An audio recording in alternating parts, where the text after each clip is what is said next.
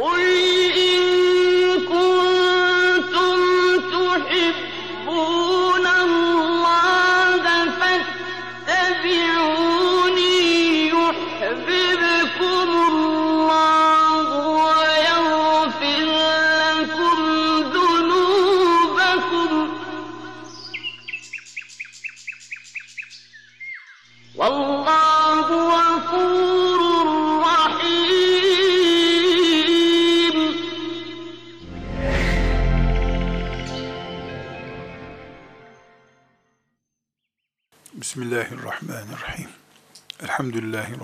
Alemin.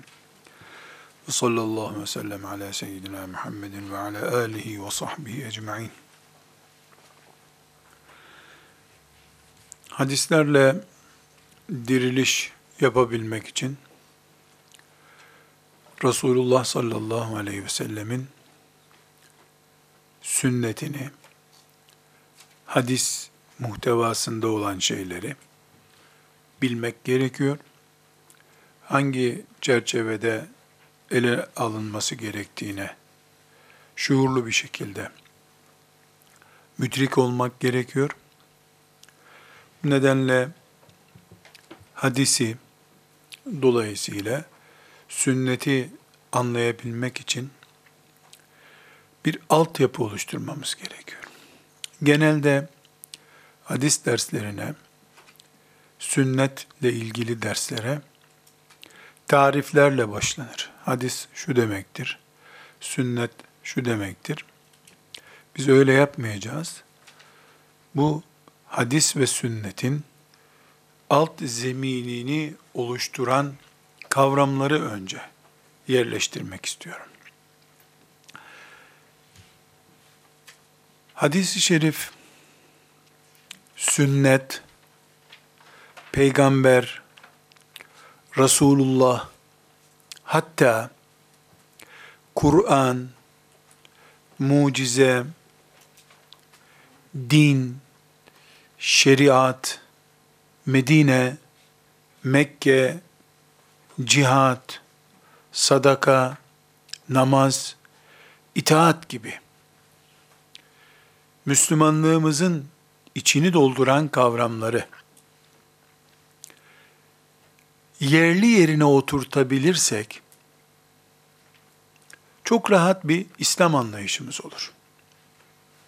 Ama 7 numaralı parçayı 9 numaralı parçanın yerine oturtursan, 9 numaralı parçayı da 6 numaralı parçanın yerine oturtursan, İslam'ı anlamakta zorlanabilirsin. Bugün başımıza gelen de odur zaten. Bu maksatla özellikle her şeyin yerli yerine oturması için sünnet, hadis, şeriat, cihat, İslam, Medine, Kudüs bu kavramların yerine oturması için sahabe kavramının bir yere oturması lazım. Neden? Kur'an diye bir kitabı mukaddes tutuyorsun. Sahabi kavramı nerede oturuyorsa Kur'an da oraya oturacak. Resulullah sallallahu aleyhi ve sellemin İslam'ını, Kur'an'ını bize taşıyan köprü ashab. Herhangi bir nesil Resulullah sallallahu aleyhi ve sellem'den kargo ile Kur'an teslim almamıştır. Sahabeden almışlardır. Bu nedenle ashab-ı kiramı oturttuğumuz yer, Kur'an'ı oturttuğumuz yerdir. Sahabeyi başka bir yere oturttuğun zaman, Kur'an-ı Kerim'e de yeni bir yer ayarlarsın. Biz burada hadisi şeriflerle diriliş yapmak istiyoruz. Resulullah sallallahu aleyhi ve sellemin hadisi şeriflerini öne çıkarmak istiyoruz. Onları bize ulaştıran Resulullah şöyle yapardı aleyhissalatü vesselam. Böyle konuşurdu diyen sahabiye bir yer bulmadıkça hadise yer bulamazsın. Nereye koyacaksın ki hadis-i şerifi? Bir kargo düşün, onu getireni yok sayıyorsun, kargo bende diyorsun. Bu sadece rüyalarla mümkündür. Bana da vahiy geldi der gibi rüyada gördüm diyeceksin. Ya da rüyada görmedim, hiçbir yerde görmedim, ben böyle uygun görüyorum diyeceksin. Bu da peygamberlik iddiasıdır. Ya aleni bir peygamberlik iddiasıdır Müseylemetül Kezzab gibi, Kadiyaniler gibi, alenen bir peygamberlik iddiasıdır. Ya da sinsi bir peygamberlik iddiasıdır. Ben de böyle uygun görüyorum. Resulullah sallallahu aleyhi ve sellemin vazifesi Kur'an'ı beyan etmektir. لِتُبَيِّنَ لِلنَّاسِ مَا نُزِّلَ اِلَيْهِمْ İnsanlara indirilen kitabı beyan et, açıkla diye seni gönderdik Allah buyuruyor. hadisi şerifleri kaldırdığın zaman ben açıklarım size Kur'an'ı demen gerekiyor. Size ben Kur'an'ı açıklarım sözü. Litübeyyine linnâsi. Sen Kur'an'ı açıkla diye. Allah peygamberine vazife vermişti. Kaldırınca peygamber onun yerine kendini oturttun demektir.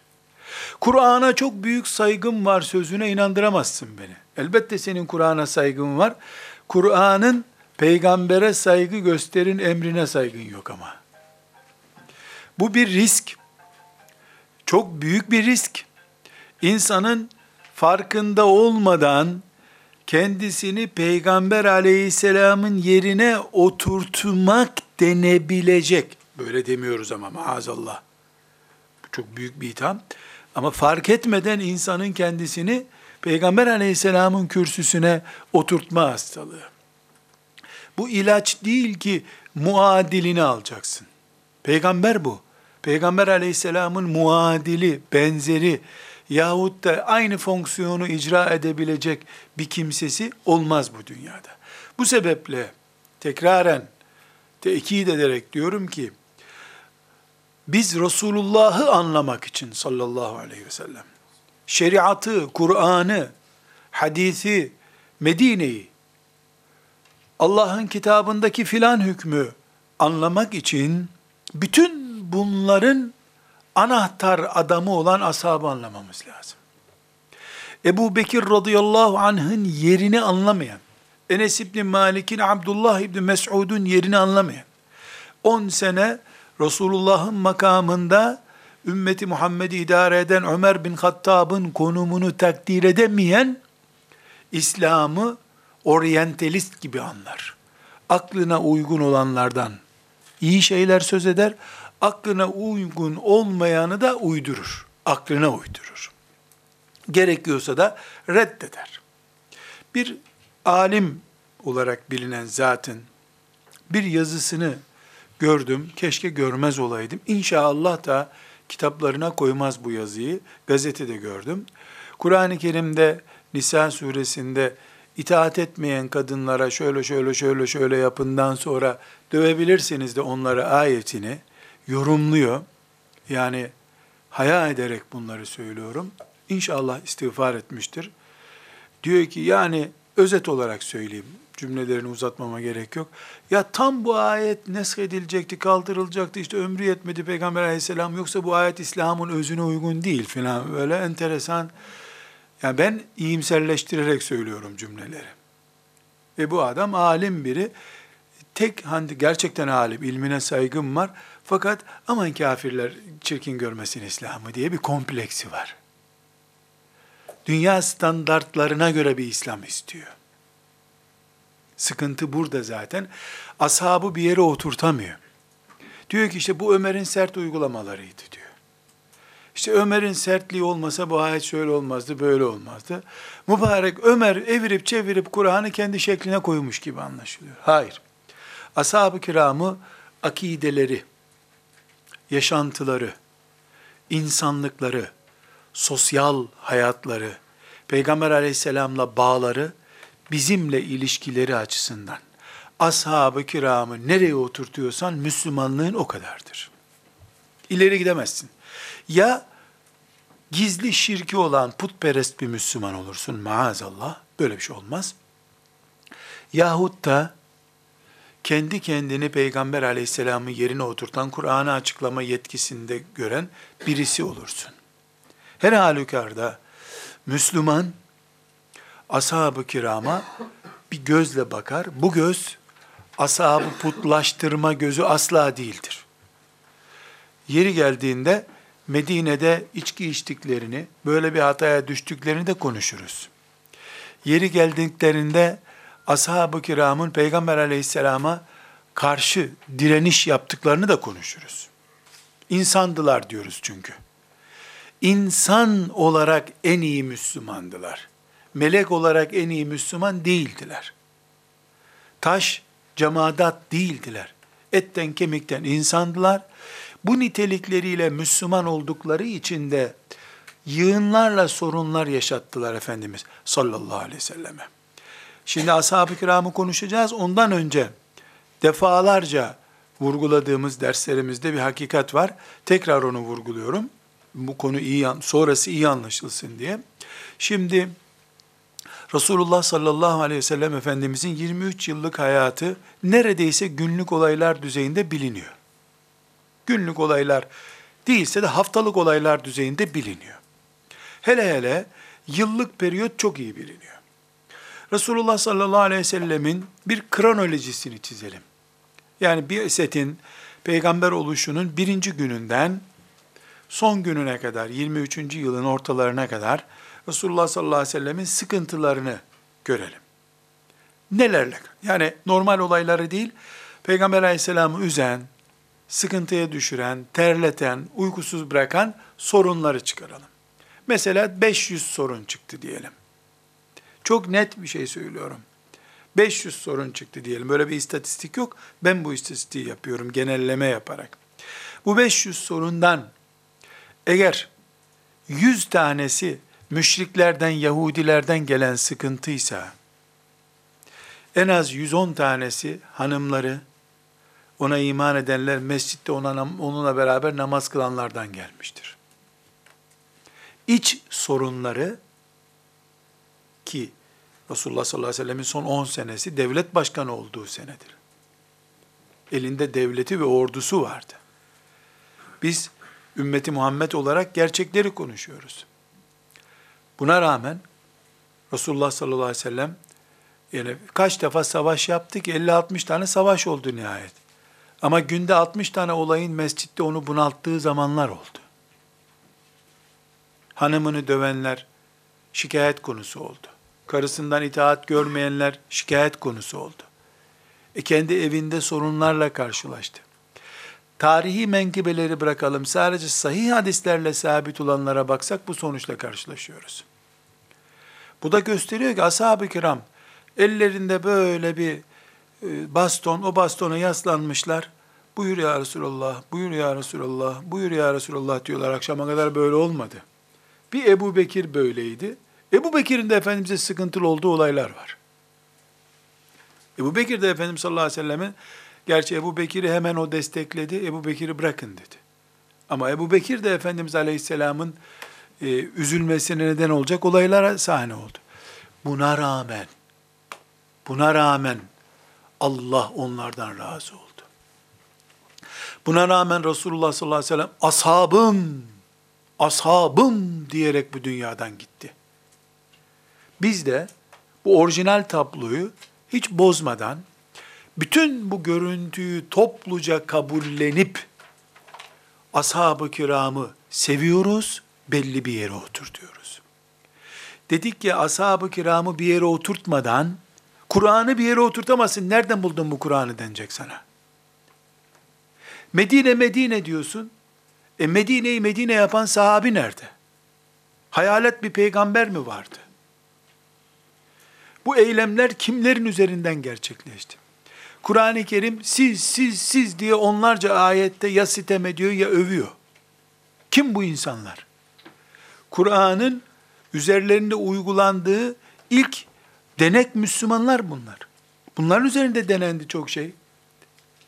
Dolayısıyla ashab-ı kiramı bir yere oturtmadan hiçbir Müslümanın kafasında İslam oturmaz bir yere. He Müslüman olur ona itirazım yok. Allah, peygamber, can, şehitlik verir. Nerede raydan çıkacağı belli değil. Her an bir yerden patlatacak onu şeytan. Neden? Çünkü ashab-ı kiramı orijinal haliyle, o doğal kimlikleriyle kabul edemediği zaman normal bir doğal Müslümanlık yaşamıyor o. Aşırılık yaşıyor bir yerde. O aşırılık ya şeyhini putlaştırarak, yahut da faize kayıp kendisine özür beyan ettirerek, yahut da işlediği çok kolay affolacak bir günahı Allah beni affetmez bir daha diye o günahta sürüklenip ömrünün sonuna kadar o günahta kireçlenmiş olarak ölüp gitmesi şeklinde. Ya da mesela farz ibadetler dururken nafile bir ibadeti haddinden fazla abartarak farzları çiğnetip nafileyle cennete gireceğini zannederek. Bütün bunlar hatalı Müslümanlık, orijinal olmayan Müslümanlık.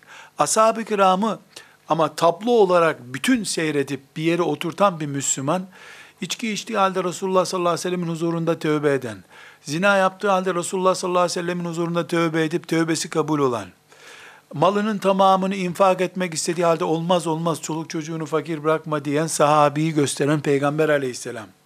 Yani onlarca yüzlerce örnek İslam'ın bütün dünyada, bütün zamanlarda nasıl yaşanabileceğinin en tabii yetişmiş örnekleridir. Bu kıvamı yakalayabilmek ashab-ı kiramı bir yere oturtmakla mümkündür.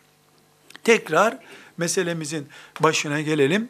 Hadislerle diriliş umuduyla yola çıktık. İnşallah Rabbimiz bize bunu nasip eder. Hadislerle her nefesimizde bir hadisi özümseyerek veyahut da her hareketimize bir hadisi kılavuz yaparak inşallah yaşamak istiyoruz. Rabbimiz e, diliyoruz, bize lütfeder, temenni ediyoruz. Yaptığı iştir zaten. Gayret eden kullarına e, veriyor, bize de verir diye duamız vardır. Fakat bundan önce bizim Resulullah bize böyle dedi diyen sahabeyi aleyhissalatü vesselam bir yere oturtmam lazım. Aksi takdirde hadis hiçbir zaman tam oturmaz. 8 numaralı vidanın yerine 9 numaralı vidayı oturttuğu için sıkıştığında gevşeyecektir o. Sıkamazsın onu hiçbir zaman. Hep yalama olur. Önce sahabiyi bir yere oturtuyorsun. Çünkü sahabi sana gelen suyun kanalıdır. O kanal bir yerden delikse su sana hiçbir zaman tam baskı gücüyle gelmeyecek. Delik bir yerden sızıyor çünkü. O kanal kirliyse su sana kirli gelecek. O kanalın önünde barikatlar varsa su sana köpüklü köpüklü gelecek. Hızı kesilmiş olarak gelecek. Bu sebeple ashab-ı kiramı ne Ali'ye Rab yaptı radıyallahu anh'a yaptıkları gibi put yaparak, ilah yerine koyarak haşa ebediyen böyle değil. Ne de bazı cahillerin yaptığı gibi filan sahabi Müslüman mı canım? Onun mesela aynı alemin geçen bir sözünü daha duydum. Sevmiyorum Muaviye'yi. Kimsenin de sevdiği yok zaten diyor. Radıyallahu anh. Muaviye senin sevgine muhtaç değil diyeceğim. Bir, bir yerde buluşacağız inşallah. Orada diyeceğim ki selamun aleyküm aleyküm selam. Hoca sana Muaviye muhtaç olursa kıyamet günü vay haline onun. Ama senin Muaviye muhtaç olacağın kesin. Muaviye'nin günaha kadar etmezsin sen Allah katında. Burada çok ciddi bir şekilde Resulullah sallallahu aleyhi ve sellemin ashabını nereye oturttuğumuzu bilmemiz lazım. Asla put değil, asla sevmiyorum, beğenmiyorum, jeopolitik konumu uygun değildi diyeceğin bir artist de değil ashab-ı kiram. Ortada bir yerde tutuyoruz. En ortada tuttuğumuz yol Resulullah'la aramızdaki kanal bunlar. Bitti. Mecburum onu korumaya. Kara kaşlarına hayran değiliz bir defa. Çok yakışıklı, güzeldiler. Ondan değil. Onlar olmayınca benim Resulullah'ım olmuyor ondan dolayı sallallahu aleyhi ve sellem. Sünnete yaptıkları hizmetten dolayı. Kur'an-ı Kerim'i bize taşıdıklarından dolayı. Başka hayranlıklarımız yok bizim. Arap oldukları için, Kureyş'ten oldukları için değil. Ya da işte Türklere saygı gösterdiklerinden dolayı böyle bir handikapımız yok bizim. Resulullah ile olan aleyhissalatü vesselam ilişkileri bizim onlarla bağımız anlamına geliyor. Şimdi burada kardeşler, önce Resulullah sallallahu aleyhi ve sellemle ashab-ı kiramın bağını kurmamız lazım. Biz onları bir yere oturtacağız dedik ya. Biz zaten bir yere oturtmamıza aslında gerek yok. Onlar Resulullah'ta nerede duruyorlar sallallahu aleyhi ve sellem? Onlar Resulullah'a, Resulullah sallallahu aleyhi ve sellem onları nasıl bakıyordu? Onların yani Resulullah peygamber sallallahu aleyhi ve sellem ve ashabı bir araya nasıl geldiler? Nasıl bir kimlik oluşturdular? Onların peygamber aleyhisselama karşı tavırları, peygamber aleyhisselamın onlara tavırları bunu anladık mı? E zaten bize söz hakkı düşmüyor ki. Peygamber sallallahu aleyhi ve sellem onları bir yere oturttuktan sonra sen öyle diyorsun ama biz bunları beğenmiyoruz diyecek halimiz yok. Ne, neyine iman ediyorsun ki peygamberin o zaman? Mesela Peygamber sallallahu aleyhi ve sellem hatalarıyla beraber kabul edeceksiniz benim ashabımı. Bana hizmetlerinden dolayı ben bunların filan hatasını görmeyin diyorum dese sallallahu aleyhi ve sellem ki böyle bir şey yok. E, bu bizi bağlayıcıdır. Ama bütün olarak ashabını Efendimiz sallallahu aleyhi ve sellem hatalarıyla beraber kabul etmemizi istiyor. Ashabını tartışmamamızı istiyor. Bunları ayrıntılarıyla konuşacağız. Tekrar ediyorum. Hadislerle diriliş yapmak istiyoruz. İbn Mace okuyacağız. İnşallah Bukhari'den hadis okuyacağız ama sahabeyi anlamadan hadis okumanın gereği yok diyoruz. Çok hadis dinleriz o zaman. Trafik levhaları gibi olur. 80 yazar orada sen 95 yaparsın. Levha canım levhada. Niye? Çünkü trafiği levha olarak görüyorsun sen. Ashab-ı kiramı trafik levhası gibi değil. Resulullah sallallahu aleyhi ve sellemi bütünleyen bir parça olarak görüp görmediğimiz önemli. Peygamber aleyhisselamı bütünleyen bir parça, nübüvvetini değil, onun bize ulaşması açısından Peygamber aleyhisselamı bütünleyen bir parça olarak gördüğümüz zaman ashab-ı kiramın konumu değişmiş demektir. Burada kardeşlerim, Peygamber aleyhisselam Efendimizin ashabı ile ilgili hadisi şerifleri daha sonra okuyacağız.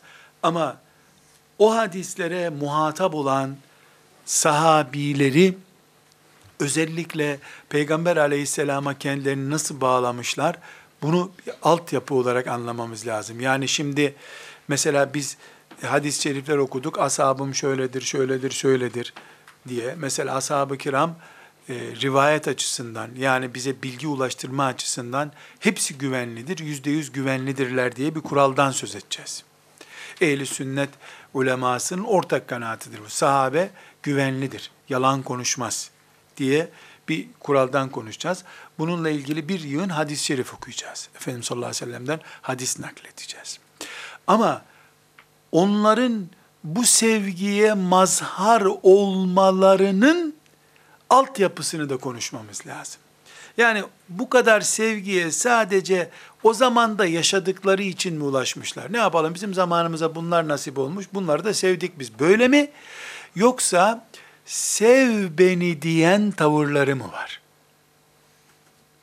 Derler ya, küçük çocuklar açısından dedeler birbirine derlermiş ki, seveceksen erkek çocuğu sev. Kız çocuğu kendini sevdirir zaten. Yani kız çocuğu daha narin, kucağına gelir. İşte o dedeciğim der, sakalını okşar. Erkek çocuk sağda solda yaramazlık yaptığı için kucağa gelmez. Sen git erkek çocuğu yakala önce. Yani ashab-ı kiram böyle bir, bizim zamanımızın çocukları diye mi Peygamber aleyhisselam sevdi? Yoksa becerip o sevgiyi bin kere hak ettiler de mi sevildiler? Göreceğiz ki sevdikleri için sevildiler ashabım diyerek Resulullah sallallahu aleyhi ve sellem yürekten onlara bir çağırdı. Çünkü onlar da yürek değil ciğerleriyle Resulullah'a sarıldılar sallallahu aleyhi ve sellem. Anam, babam sana feda olsun ya Resulullah derken edebiyat yapmadılar. Şiir söylemediler. Fiilen de analarını, babalarını teslim ettiler. Bunun örneklerini göreceğiz. İlk örneği e, birinci paragrafı diyelim.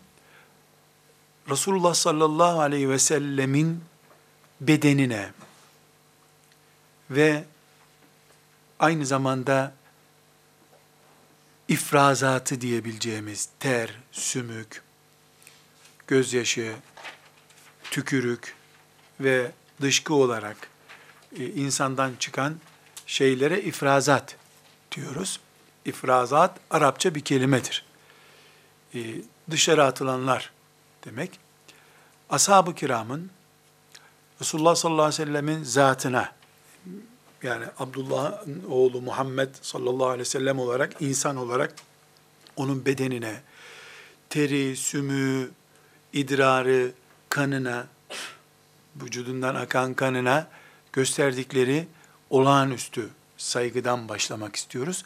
Bu başlama nedenim şu, e, Kadı İyad rahmetullahi aleyh sık sık bu hadis konusunda onun da adı geçecek. E, hadis ilminin ağır isimlerinden birisidir.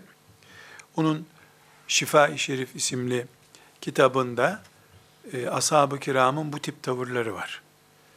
E, Efendimiz sallallahu aleyhi ve sellemin kanı, idrarı, tükürüğü, sümüğü gibi e, böyle balkamı, benzeri şeylere ashabın gösterdiği saygı anlatılıyor. Bunlardan bir kısmı zayıf hadisler, e, bir kısmı da Buhari'de geçen hadis-i şeriflerdir. E, sahih hadislerdir. E, bu kitabı biz e, Yaşar Kandemir Hoca Efendi'ye Allah ondan razı olsun şerh ettirip yayınladık. Sünnet seneye hizmet olsun diye. E, gördüğümüz en büyük e, tepkilerden birinden utanarak söylüyorum. Yani bu çağda böyle şeyleri kafirlerin de anlayacağı bir e, dille niye yazdınız? Yani bu tip ayıplar oldu bitti yazmayın bunları.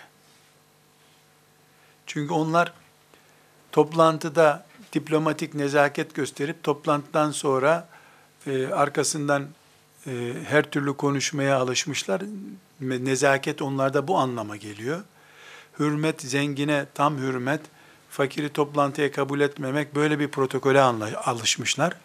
Ashab-ı kiramın o olağanüstü insanlığı zorlayacak, idraki zorlayacak hürmet ve saygısına anlam veremiyorlar tabi. Veremeyince de Kadı İyad'ın bunları niye toplayıp bir kitabında yazdığını tenkit ediyorlar. Her halükarda e, elhamdülillah bu bizim medar iftiharımız oldu. E, bu sebeple özellikle ashab-ı kiramın Resulullah sallallahu aleyhi ve sellemin idrarına bile gösterdiği saygıyla alakalı olarak e, başlamak istiyorum. Bu cümlem çok önemli. Tekrar idrarına bile saygı gösterdiler. Sallallahu aleyhi ve sellem Efendimizin. Bununla ilgili fıkıh hükümlerini bir not ettim. Ee, özellikle not etmemizde fayda var. Ashab-ı kiramın e, Resulullah sallallahu aleyhi ve sellem Efendimizin e, kendisiyle bir, e, asarı ile, asar ne ediyoruz? Mesela biraz sonra hadis-i şerifi göreceğiz. Tıraş oldu Efendimiz sallallahu aleyhi ve sellem. E, saçının sağ tarafını aldı. Onları berbere dedi ki al dedi. Şu Ebu Talha'ya ver dedi. Sol tarafını da e, tıraş edince Ebu Talha'ya ver dedi. Ebu Talha'ya dedi ki bunları insanlara dağıt dedi. Tek tek kılları Efendimizin dağıtıldı. Sahih hadis-i şerifle sabit bu. Müslim'de hadis bu. Kaynaklarını göreceğiz inşallah. Bu Efendimizin asarıdır. Asar kalıntı demek. Ee, mesela Efendimiz sallallahu aleyhi ve sellemin e, gömleklerinden birisi ensar kadınlarının birinin eline geçmiş. O ve torunları yıllarca bu gömleği ta toz oluncaya kadar saklamışlar. Ağır hasta olunca Medine'de gömleği yıkayıp suyunu içiriyorlarmış ona. Elhamdülillah. Yani böyle bir asar sevgisi var ashab-ı kiramda. Buna e, Arapça istilahında etteberruk bi athari Resulillah deniyor. Etteberruku bereketten gelme. Etteberruku bi athari Resulillah sallallahu aleyhi ve sellem. Resulullah sallallahu aleyhi ve sellem'den kalan şeylerle teberruk. Ne demek teberruk? Bereket görme, ibadet yapma değil ama. O putperestlik. İbadet yapmak. Teberruk, bereket bulmak demek. Yani hayırlı görmek. Feyiz ve bereket ummak demek. Bu konudaki fukahanın hükmü çok kat'i bir şekilde sabittir. Resulullah sallallahu aleyhi ve sellem Efendimizin asarı ile yani ondan kalan şeylerle teberrük caizdir. Bu şekilde Resulullah sallallahu aleyhi ve selleme tazim yapmak vardır. Niye bunu belgeliyoruz? Çünkü ashab-ı kiram, Allah onlardan razı olsun, Resulullah sallallahu aleyhi ve sellemin asarı ile teberrük yaptılar ve bunu onun gözü önünde yaptılar. Biz şeriatın temel kaidelerinden biri olarak diyoruz ki, Resulullah sallallahu aleyhi ve sellemin gözü önünde bir şey yapıldığında, eğer Resulullah sallallahu aleyhi ve sellem bunu size yasaklıyorum, böyle yapmayın, yanlıştır bu demiyorsa o şeriattır. Neden? Çünkü Resulullah sallallahu aleyhi ve sellem yanlışa susmaz. Asla susmaz. Onun önünde yapılan bir hareket yüzde bir yanlışsa en azından mübarek yüzü kızarır. Ashab da anlarlar ki bu hoş bir şey olmadı. Yasak olmasını gerektirecek düzeyde ise zaten hemen müdahale eder. Olmaz böyle bir şey der. Ev sahibinin hatırını kırmayayım. Toplum nasıl anlar? Ya insanların gönlü kırılmasın. Kadınları üzmeyeyim. Çocukların bayram neşesini kaçırmayayım. Böyle bir şey olmaz Resulullah sallallahu aleyhi ve sellem'de. Ashab-ı kiram çok açık ve sarih bir şekilde onun gözü önünde tuttular, teberruk yaptılar. Kıllarına, saç kıllarına sahip çıktılar. İdrarını sahabi içti. Kanını bir kasenin içinde hacamat yaptırdığı kanını sahabiye verdi. Git bunu köpeğin değmeyeceği, insan ayağı değmeyeceği bir yere dök gel dedi. Kan, bildiğimiz kan. Sahabe döndü geldi. Ee, dedi ki Efendimiz sallallahu aleyhi ve sellem, tamam dediğin gibi yaptım, kimsenin görmeyeceği bir yere koydum ya Resulullah dedi. Baktı Efendimiz, bana kalırsa sen onu içtin dedi. Evet ya Resulallah içtim dedi. Sen kimsenin e, görmeyeceği yere koy dedin, kimsenin görmeyeceği bir yerde o ya Resulallah dedi. Niye böyle yaptın buyurdu Efendimiz ya Resulallah? Kanın kanıma karışsın istedim dedi. E, bu sahih hadisle sabit, vaki olmuş bir şey. Hizmetçisi Efendimiz sallallahu aleyhi ve sellemin idrarını içti. Çünkü idrarı yani normalde bir leğene yapılıyor o zamanki şeyde. Yakın zamana kadar Anadolu'da öyleydi. Bir yaklaşık bir asır öncesine kadar leğene yapılıyordu. Sabahleyin de götürülüp e, uzak bir yere dökülüyordu. E, hizmetçisi e, onu kendisine şifa kabul edip içti. Şimdi her halükarda bunlar gözü önünde oldu. Mesela içki içen birine ceza verilmesini emrettiği gibi sen kan necistir, necis bir şeyi içtin, istiğfar et demedi ona. Günah olan bir şeyi yapan birisine tövbe teklif etmemesi mümkün değil sallallahu aleyhi ve sellem. Olmaz, böyle bir şey olmaz. Ne ölüm korkusu, ne sosyal ilişkiler, ne vakfa bağış yapan bir zengin de hatırını kırmayalım. Böyle bir şey olmaz Resulullah'ta. Olmadı zaten sallallahu aleyhi ve sellem. Ashab-ı kiramın çok basit, canım bu önemsiz bir şey zannettikleri şeylerde fırtınalar kaldırdı Efendimiz sallallahu aleyhi ve sellem. Nasıl böyle yaparsınız? Nasıl bu sözü söylersin sen diye. Ayşe annemiz mesela e, çok basit kısa boylu bir adamdı sözüne tükür tükür tükür çok çirkin bir şey sen yuttun gıybet ettin diye. Yani Ayşe çok ayıp oldu yakışmadı sana demedi. Gıybetin çiğ et yemek olduğunu e, Ayşe annemize hıngır hıngır bağırdı orada. Demek ki Efendimiz sallallahu aleyhi ve sellem'de müsamaha yok. Ashab-ı kiramın e, teberruk yapması Resulullah sallallahu aleyhi ve sellemin asarı ile yani Peygamber aleyhisselamdan kalan şeylerle teberruk yapması onun gözü önünde oldu. O vefat ettikten sonra ashab-ı kiram gündeme getirmediler böyle şeyleri. Sağlığında yaptılar sağlığında yapınca, onun gözü önünde yapınca ve o itiraz etmeyince demek ki dinen bunun bir mahsuru yoktur. Sayın hadis-i şeriflerden örneklerini göreceğiz.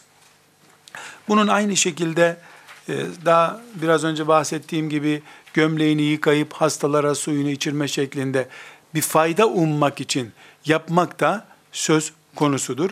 E, elbette tekrar ediyorum bu bir ibadet maksadıyla değil, teberruken yani fazladan yapılan bir iş olarak.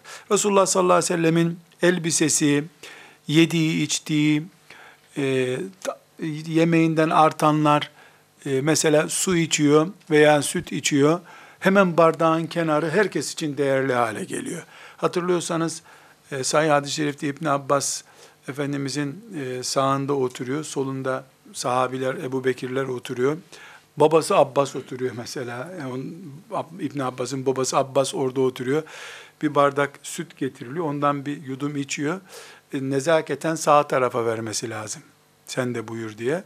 Oradaki de 7 yaşında çocuk, yavrum izin verirsen bu büyüklere vereyim önce diyor. Sonra sana da artıp gelsin. Yok ya Resulallah, senin dudağına dudak değdirme nasibimi kimseye veremem diyor. Alıyor, sütü içiyor. Bu tür şeyler hep gözü önünde yapıldı. Teberrüken yapıldı. E, bunda herhangi bir ihtilaf yoktur. Fukahanın çok büyük bir bölümüne göre, başta Şafii fukahası olmak üzere, Resulullah sallallahu aleyhi ve sellemin kanı, e, if, Resulullah sallallahu aleyhi ve sellemin saçları, kılları diyelim, e, veya diğer artıklarının temiz olduğuna e, ve bunun ona mahsus bir hüküm olduğuna kaildirler. Çünkü kan necistir. Ama Resulullah sallallahu aleyhi ve sellemin kanı bu sözünü ettiğim büyük kesimine göre fukahanın necis değildir ve ona mahsustur. Bununla ilgili de konumuz o değil ama inşallah e, hadis derslerine, taharet bölümüne geldiğimizde bunun tafsilatını inşallah göreceğiz. Resulullah sallallahu aleyhi ve sellemin kanı ile ilgili ashabın pek çok uygulaması var. Bu uygulamalardan istitlal ederek, kanaat kullanarak değil, Resulullah sallallahu aleyhi ve sellemin kanı normal tükürüğü gibidir, teri gibi temizdir diye kanaate varmışlardır. Ama notlarımızın kenarında bulunsun, bu fukahanın ittifakı değildir. Fukahanın ittifakı değildir. Bu büyük bölümü fukahanın böyledir. Ama özellikle hayır, insan olarak Resulullah sallallahu aleyhi ve sellemin kanı da diğer insanların kanı gibidir. Temiz değildir şeklinde hüküm belirtmiştir fukahanın bir bölümü. Evet. Bunun ötesinde e, Resulullah sallallahu aleyhi ve sellemin e, örneklerde göreceğimiz e, uygulamalarda ashab-ı kiram teberrük yaparken ondan bir şifa umdular. E, kalplerinde bir huzur olacağını düşündüler ve böyle bir açıklamaları yok ama anlaşılan o ki Resulullah'ı daha çok sevdiğimizi Allah görsün istediler. Çünkü insan kendi idrarına bile elinin değmesini istemezken, leğende Resulullah'ın idrarını içersen, bu bir aşktır, sevgidir bu. Bu sevgiyi Allah'a göstermek istediler. Kimi şehadetle göstermek istedi, hizmetçisi de böyle göstermek istedi. Öbürü de yorum yaptı. Dediğin gibi gizli bir yere koydum ya Resulallah dedi. Kanı midesine attı. Hata bile olsa ashab-ı kiramın bu tavrı Allah onlardan razı olsun bir fazilettir. Burada kalın harflerle bir not düşmemiz lazım kardeşler. Kalın harflerle, normal harflerle değil. Bu uygulama Resulullah'a mahsustur sallallahu aleyhi ve sellem. Eğer bu zamanda veya başka bir zamanlarda bir Resulullah daha varsa onun da kanı temizdir, idrarı içilebilir. Hayır. Müseylemetül Kezzap'tan başka, Deccal'dan başka peygamberlik iddiasında olacak kimse yoktur. Hep yalandır gerisi. Hepsi kezzaptır, sahtekardır diyorsa hiç kimsenin teri kutsal değildir. Bereket değildir. Hiç kimsenin. Sadece Resulullah sallallahu aleyhi ve selleme mahsus ashab-ı kiramın yaptığı zaman doğru olacak bir şeyi konuşuyoruz. Bunu ne bir alime, ne bir şeyhe, ne bir öndere kıyas edemeyiz. Bir şeyh efendinin, bir alimin duasını talep edebiliriz. Bana dua et diyebiliriz. Onun sofrasında oturmayı bereket görebiliriz. Onun nasihatinde şifa bulabiliriz. Onun himayesinde olmak bir alimin, bir şeyhin, ben senin yanındayım, sen de beni kabul ettin mi ettim demesinde hayır umarız. Ama tükürüğü şifa değildir. İdrarı şifa değildir. Kanı temiz değildir. Çünkü Resulullah sallallahu aleyhi ve sellem sadece buna mahsustur. Burada e, İmam Şafii'nin talebelerinin yani Şafii ulemasının özellikle e, kanının da temiz olduğu konusundaki e, hükümleri ya da iştihatları diyelim, iştihatlarını delillendirdikleri kaynaklardan biri de Resulullah sallallahu aleyhi ve sellemin çocukluğunda ve miraca çıkması esnasında melekler tarafından kalbinin temizlenmesi, ameliyat edilmesi olayıdır. Dolayısıyla onun kanını normal bir kan kabul edemeyiz diyorlar. Yani bu ve benzeri bir takım delillere dayanıyorlar. Her halükarda tabii tekrar tekrar vurgulamakta fayda var. Ayet değil bunlar. Peygamber sevgisiyle delirmişlerin sözleri bunlar. Kadı İyad gibi kendisini, hayatını, her şeyini Resulullah'a adamışların sözleri bunlar. Elbette e, bir insan kendisini modern çağın insanı kabul edip, böyle şeyler konuşulursa kafirler bize güler seviyesinden İslam'a bakıyorsa, diyecek bir söz yok. Yani onunla muhatap olmaya gerek yok. Ama bu nedenle de ona kafir deme hakkımız yok. Çünkü bunlar iştihattırlar. Bu olayları yapan sahabinin yaptığı da bir iştihattı. Bunları yorumlayan Şafii ulemasının veya Malik ulemasının, Kadı İyad'ın e, sözleri de nihayetinde bir iştihattır, ayet değildir. Ama Resulullah sallallahu aleyhi ve sellemle ilgili şeylerle teberrük yapmak, Resulullah sallallahu aleyhi ve sellemin onayladığı şeylerdendir. Burada çok küçük bir not kardeşler, çok önemli bir not ama. Ee, şimdi hadis-i şerif okuyacağız Enes İbni Malik'ten. Saçlarına e, teberrük yapılmasına izin veriyor Efendimiz sallallahu aleyhi ve sellem. Aynı peygamber aleyhissalatü vesselam ay içeri girdiğinde ayağa kalkılıyor. Ne yapıyorsun siz? Acem krallarına yapıldığı gibi benim için ayağa kalkmayın diyor. Yani krallar için ayağa kalkar. Benim için ayağa kalkmayın. Ben Kureyş'te kuru ekmek yiyen bir kadının çocuğuyum. Ayağa kalkmaya gelince şahsına saygıya izin vermiyor.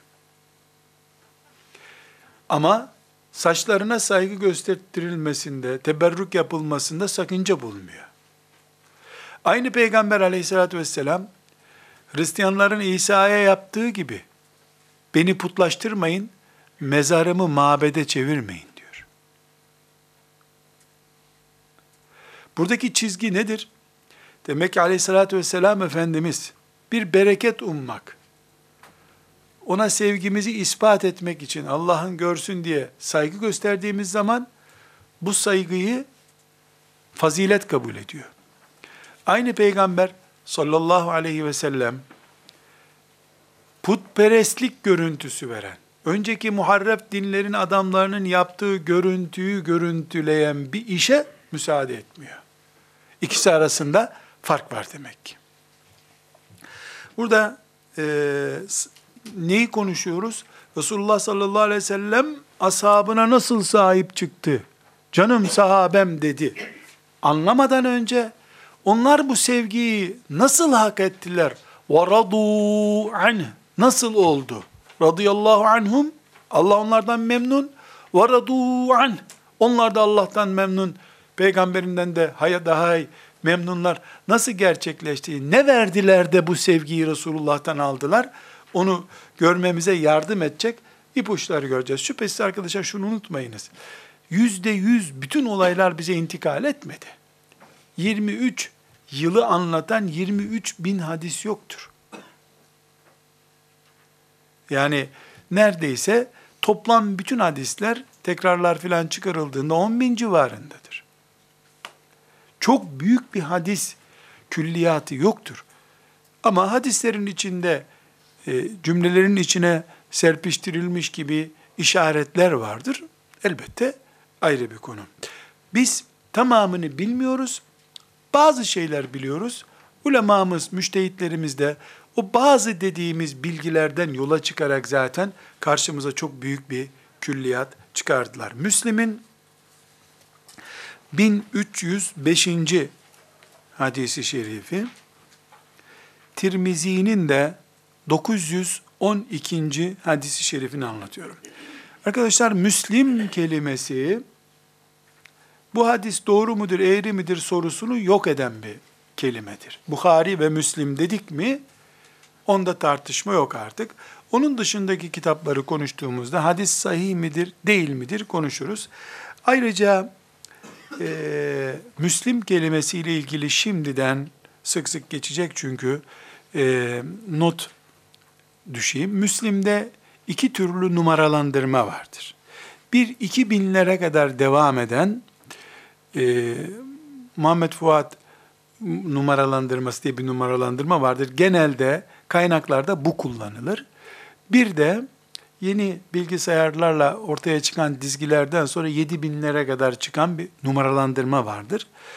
E, genelde numara verdiğimizde bu 2000'li rakamlarla ilgili yani e, açtığınızda her iki numarada vardır Müslim baskılarında, yeni baskılarında. Biri parantez içindedir. Biri e, normal numaradır. E, eğer mesela ilk e, ciltte mesela 100. sayfada 600 nolu varsa 7000 numaralı büyük geniş numaralıyı kullanılıyor. E, eğer 100. sayfada hala 70. 80. hadis diyorsa bu bahsettiğimiz dar küçük numaralar kullanılıyor. O konu şöyle. Mesela şimdi anlatacağımız hadisi şerif haçla ilgili hadistir. Haçla ilgili beş hadis vardır. Bunların beşini bir tane kabul edip işte 18. hadis demiş. Öbür numaralandırmaya göre de her hadisi bir hadis kabul edip oradaki beş hadise beş numara vermiş. Dolayısıyla biri yedi bine ulaşmış rakamlar. Buhari'de de böyledir. Buhari'de yedi bin civarında rakam vardır. E, Müslim'i de bu şekilde kabul Yani numarayı iki defa bakmanız gerekebilir. İşin Türkçesi. Müslim'le ilgili sadece bu konuştuğumuz. Enes İbni Malik radıyallahu an rivayet ediyor. Resulullah sallallahu aleyhi ve sellem Efendimizin haccını anlatıyor. Hac arkadaşlar teberruken inşallah hep beraber böyle e, birkaç hadis-i şerifi de orada okumak için orada da bir bulunmak, hac etmek hepimize inşallah nasip olur. Ve mâ zâlike alallâhi bi aziz. Zor değil Allah için bu. Niye bir 40 derste orada yapmayalım? Temenni ederiz biz. Olmasa cennette tamamlarız dersimizi inşallah. Hac şudur arkadaşlar. İstanbul'dan gidersin. Mekke'de ya Mekke'de çeşidine göre ya da havaalanında burada ihram giyersin. İhram dediğimiz üzerinde dikişli olan her şeyi çıkarmak demek. İç çamaşırın içi de dahil. Her şeyi çıkarırsın. Üzerinde dikilmiş bir şey olmayacak. Ayakkabı da dahil. Ayakkabı da dikili ise onu da giyemezsin. Başını örtmek yasak. Ee, bir etek, bir de etek gibi havlu üstüne atılır. Buna ihramlanma denir. İhramlanma haram hale gelmek demek. İhram dedikleri o havlulara ihram diyorlar. Adı havlu aslında da millet ona ihram diyor. İhramlanmaya yarayan şey olduğu için ona da ihram deniyor.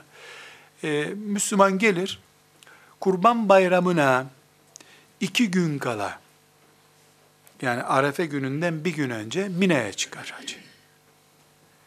Mina'da beş vakit namaz kılar. Arefe günü sabahleyiğinde, bizim burada Arefe dediğimiz gün, bayrama bir gün kala, Arafat denen yere çıkılır. Akşama kadar orada kalınır. O ihram üstündedir hala. Arafat'ta vakfe yapılır. Yani ayağa kalkılıp dua yapılır.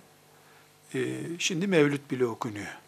Yani o ashab-ı kirama nasip olmadı tabii. Nasip meselesi. Şimdi mevlütler, ilahiler, bando eşliğinde İslami poplar. Nauzu billahi teala. Fitne bu işte. Ee, öğle ve ikindi namazı cem edilir. Yani aynı öğle vakti ikindi de kılınır. Akşam ezanı okunduktan sonra da Mekke ile Medine, şey, Mekke ile Arafat arasında e, Müzdelife diye bir yer vardır. Müzdelife'ye gidilir. Oraya Meş'arul Haram diyor Kur'an-ı Kerim. Orada akşam ve yatsı namazı cem edilir. Beraber kılınır.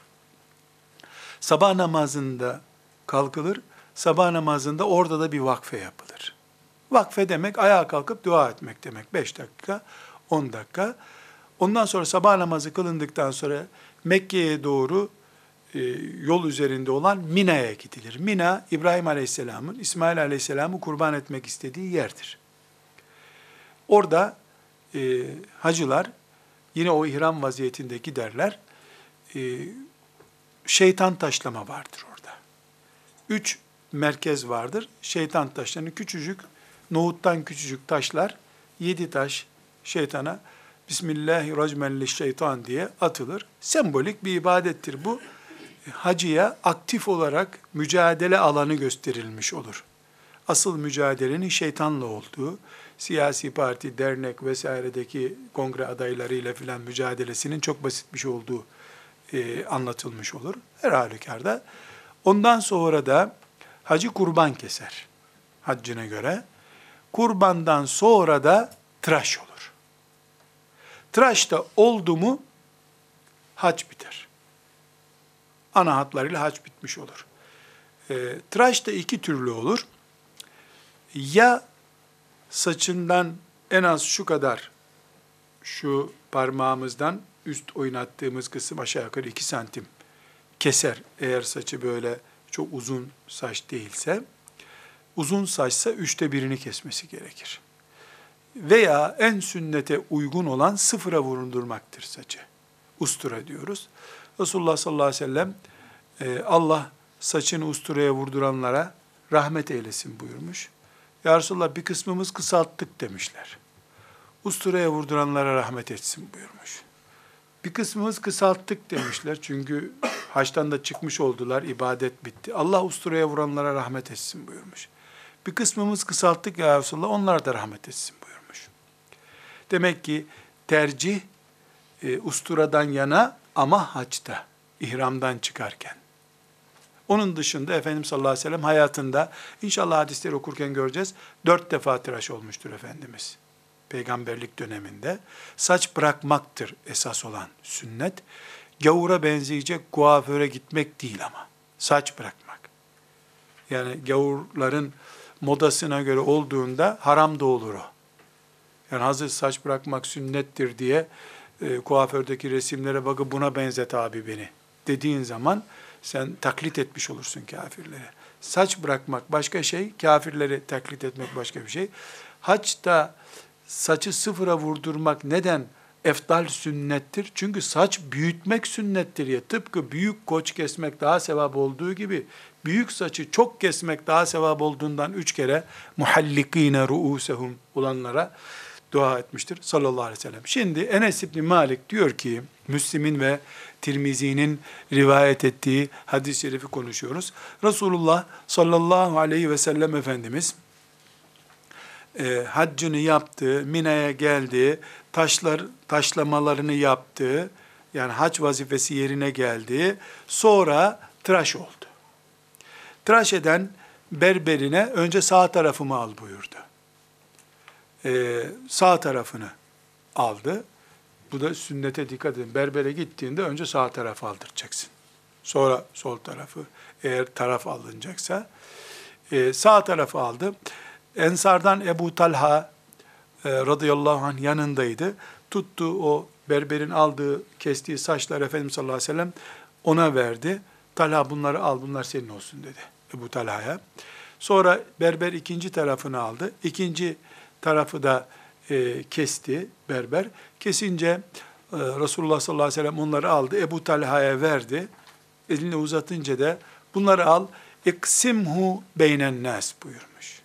İksimhu beynen nas. Kaseme yaksimu kısmeten taksimlendirmek, dağıtmak demek. Bunu insanlara taksim et buyurmuş. Burada e, Resulullah sallallahu aleyhi ve sellem Efendimizin bu tavrı pek çok şeyi yansıtıyor. Ama ilk yansıttığı şey, demek ki ashabının böyle bir özentisi var. Bir sonraki hadis-i şerifte göreceğiz zaten. Ee, Resulullah sallallahu aleyhi ve sellem Efendimiz biliyor ki ashabı onu çok imreniyorlar, merak ediyorlar. Hadi herkese birer kıl hatıra olsun diye e, nezaket göstermiş. Karşısındakinin duygusuna, nezaketine, iç alemine saygı gösterme anlayışı bu. Resulullah sallallahu aleyhi ve sellem Efendimiz'den. Burada arkadaşlar memleketimizde bilhassa çok yaygın sakalı şerifler vardır. Bu sakalı şerifler Kadir gecelerinde ve benzeri zamanlarda, Kadir gecesi olduğuna karar verilen gecelerde ve benzeri zamanlarda insanlara ziyaret ettirilir. Eğer doğru ise o sakalı şerifler aslı budur. Kaldıysa. Bu yaşlı bir hacı amcanın sakalları da bir şişeye koyup bize yutturuyorlarsa bunu, Allah onlardan kim yaptıysa Allah sorsun ondan. Peygamberimizin adıyla bizi, duygularımızı suistimal ediyor. Bir yalan bu tabi. Her halükarda e, bizim tepkimiz şudur. Resulullah sallallahu aleyhi ve sellemin sakallının ki vacip düzeyinde sünnetlerindendir. Ancak eşlerden izin alınarak bırakılabildiği bir dünyada sakal ziyaretini batıl görürüz. Yüzündeki sakala hürmet yok. Her gün lavaboya gidiyor daha bitmeden zavallı tüy. Güya peygamberin sakalına saygı yutturmacadır şeytandan. Ama müminlerin kalbindeki bu sevgi, velev ki o kavanozun içinde sakal diye bir şey olmasın, asıl sevgi o tüylere değil zaten tüyün sahibinedir diye bunu da hürmetle karşılarız. Ama eğer bu, mesela ben bir camide rastladım, adam o gün tıraş olmuş üstelik. Cemaat kalabalık olacak diye imam efendi parlıyor mübarek böyle. Yüzüne bakıp kendi ışıkta vuruyor böyle cami aydınlatılmış projektörlerle böyle bu şekilde tutuyor gelen e, saygı gösteriyor. Böyle gelince onun yüzüne yansımıyor sakal. İnsanlara gösteriyor. Küçük şundan küçük bir kavanoz. Bu şekilde insanlar ağlaya sızlaya onu öpüyorlar. Salavatlar getiriliyor. İşte birisi çok öpmek, Efendimiz'e saygısızlık yapma diyor İmam Efendi. Onu hemen engelliyor orada. Saygısızlık yüzünde parlıyor ama. Burada bir laubalilik var. Avuntu var. Melekler kanmaz bu tip hikayelere. Birbirimizi kandırırız sadece. Ee, yine Enes'ten başka bir rivayet daha var bununla ilgili Müslim'in 2325. hadisi şerifi, Ahmet bin Ambel'in Müsned'inin de 12363. hadisi şerifim. E, ee, diyor ki Ra'it Resulullah sallallahu aleyhi ve selleme vel hallaku yahlikuhu ve etafe bihi ashabuhu fema yuridun en tek'a şa'ratun illa fi yedi racul. Resulullah sallallahu aleyhi ve sellem bu şeyle ilgili değil ama. Haccı ile ilgili bir hatırası değil.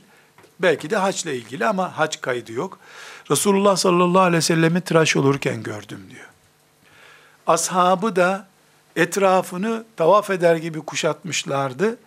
Berberin kestiği hiçbir kıl yere düşmüyordu. Onların avucundan birine düşüyordu muhakkak diyor sallallahu aleyhi ve sellem Efendimiz. Burada e, vurgulamak istediğimiz nedir? Sakalı şerifi konuşmuyoruz.